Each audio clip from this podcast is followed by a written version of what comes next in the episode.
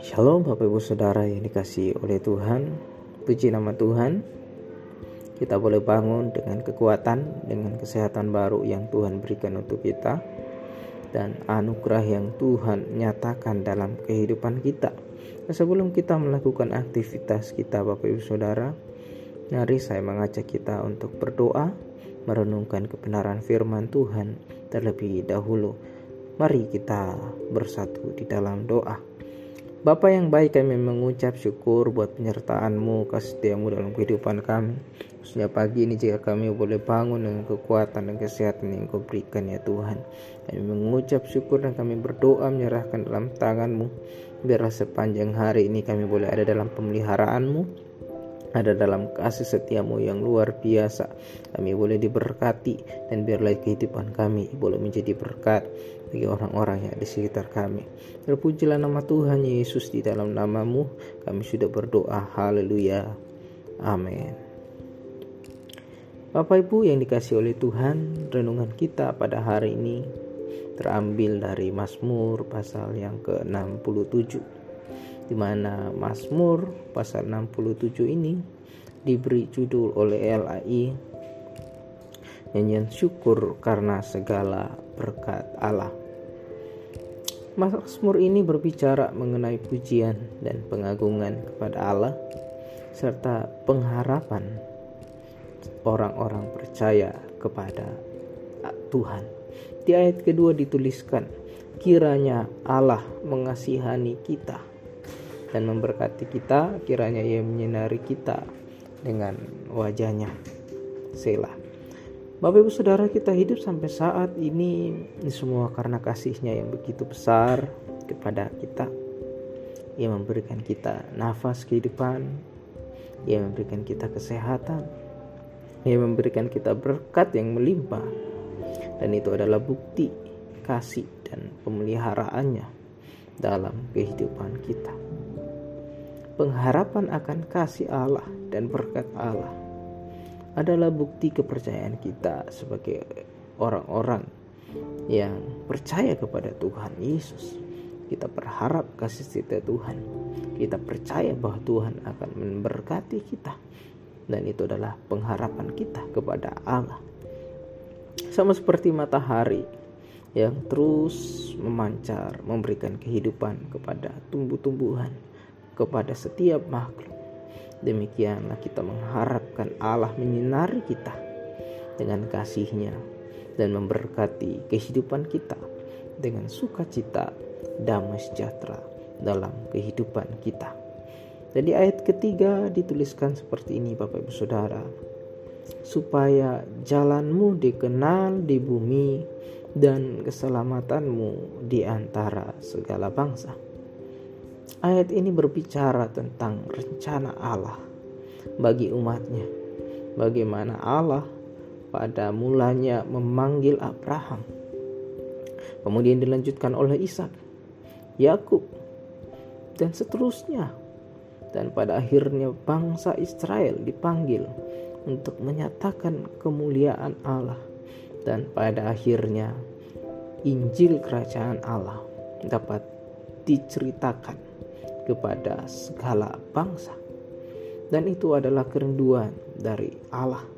Dan itu juga yang dituangkan dalam Mazmur ini. Dan itu juga yang Allah kehendaki dalam kehidupan setiap orang agar mereka mengenal satu-satunya Allah yang benar, agar mereka mengenal keselamatan yang Tuhan berikan kepada kita. Sehingga di ayat yang seterusnya di ayat yang ketiga sampai ayat yang keenam dituliskan seperti ini. Kiranya bangsa-bangsa bersyukur kepadamu ya Allah. Kiranya bangsa-bangsa semuanya bersyukur kepadamu. Ayat yang keempat. Kiranya suku-suku bangsa bersuka cita dan bersorak-sorai sebab engkau memerintah bangsa-bangsa dengan adil dan menuntun suku-suku bangsa di atas bumi. Ayat yang kelima, kiranya bangsa-bangsa bersyukur kepadamu ya Allah. Kiranya bangsa-bangsa semuanya bersyukur kepadamu. Dan di ayat yang ke-6 tanah telah memberi hasilnya. Allah Allah kita memberkati kita.